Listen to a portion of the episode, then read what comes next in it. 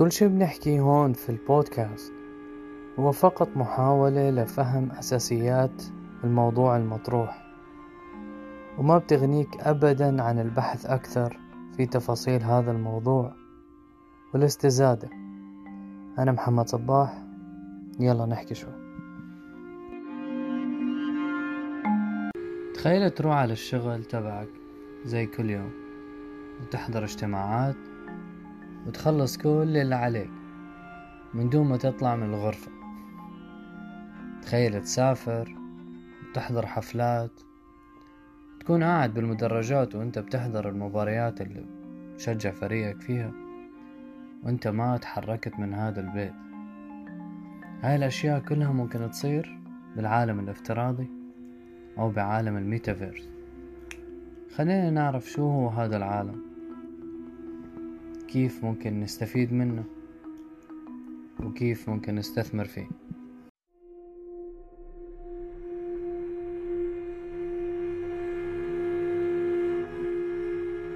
شو هو تعريف ال metaverse؟ metaverse هو عالم افتراضي جديد متشارك من الكثير من الأفراد ميتافيرس يعني ما هو أكثر من هذا العالم. أول مرة استخدمت كلمة ميتافيرس عام 1992 برواية اسمها Snow Crash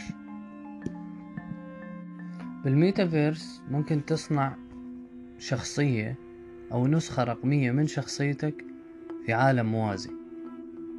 شكلك تختار تتواصل مع مين اسمك.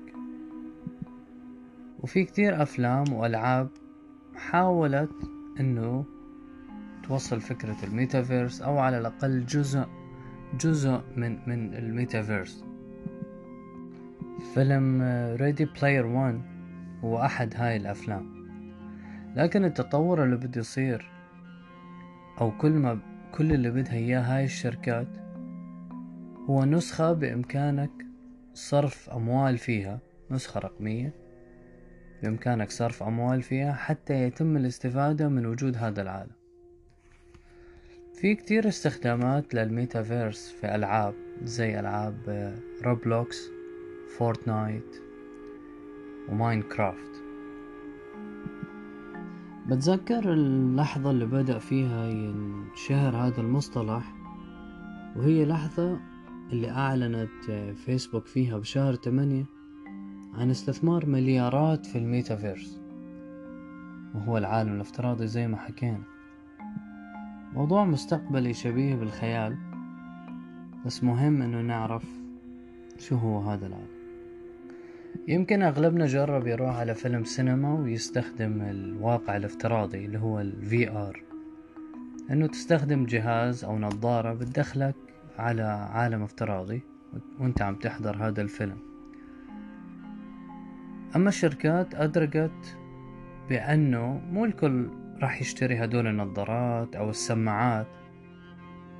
فالهدف هو خلق عالم جديد بإمكانك فيه تقمص أي شخصية تريده شراء ما تريد تفاعل مع أي شخصية بدك إياها وهو هذا الواقع المعزز.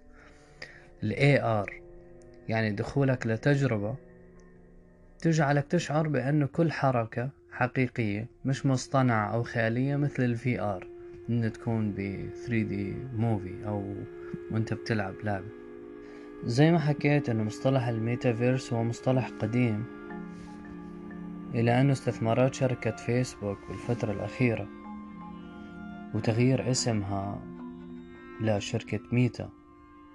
جاء معه موجة من الوعي بما هو قادم بالمستقبل. هلا كيف فينا نستفيد من هذا العالم؟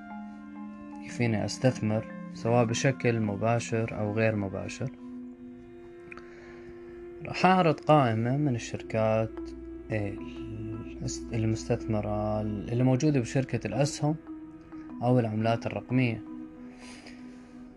خلنا نبدأ بأسهم الشركات اللي ممكن نستثمر فيها.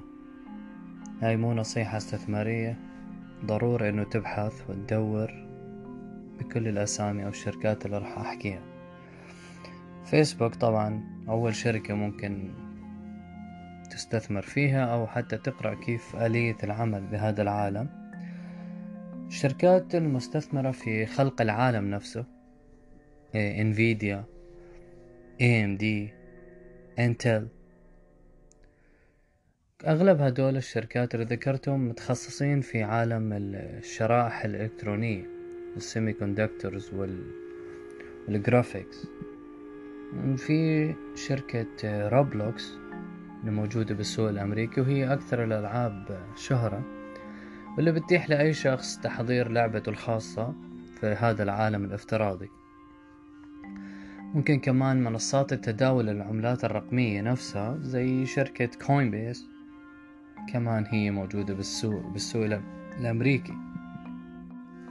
خلينا نحكي عن العملات الرقمية أو شبكات العملات الرقمية اللي ممكن نبني عليها عالم الميتافيرس زي الإيثيريوم السولانا وكاردانو باينانس وبوليجون هدول فينا نبني عليهم عملات أو في already tokens مبنيين على هدول الشبكات. خلينا نحكي على ال tokens المبنيين على هدول الشبكات اللي ممكن نستثمر فيهم direct في عملة MANA و SAND و RFOX و WILD مبدئيا أنا مستثمر ب SAND و RFOX. كمان برجع بكرر مو نصيحة استثمارية بس أنا بحث بهدول الشركتين. لازم تشوف مصادر استثمارية أخرى في هذا العالم. كل اللي ذكرته هون هو مجرد بحث سريع عن الشركات. لكن في كتير شركات ما ذكرتها.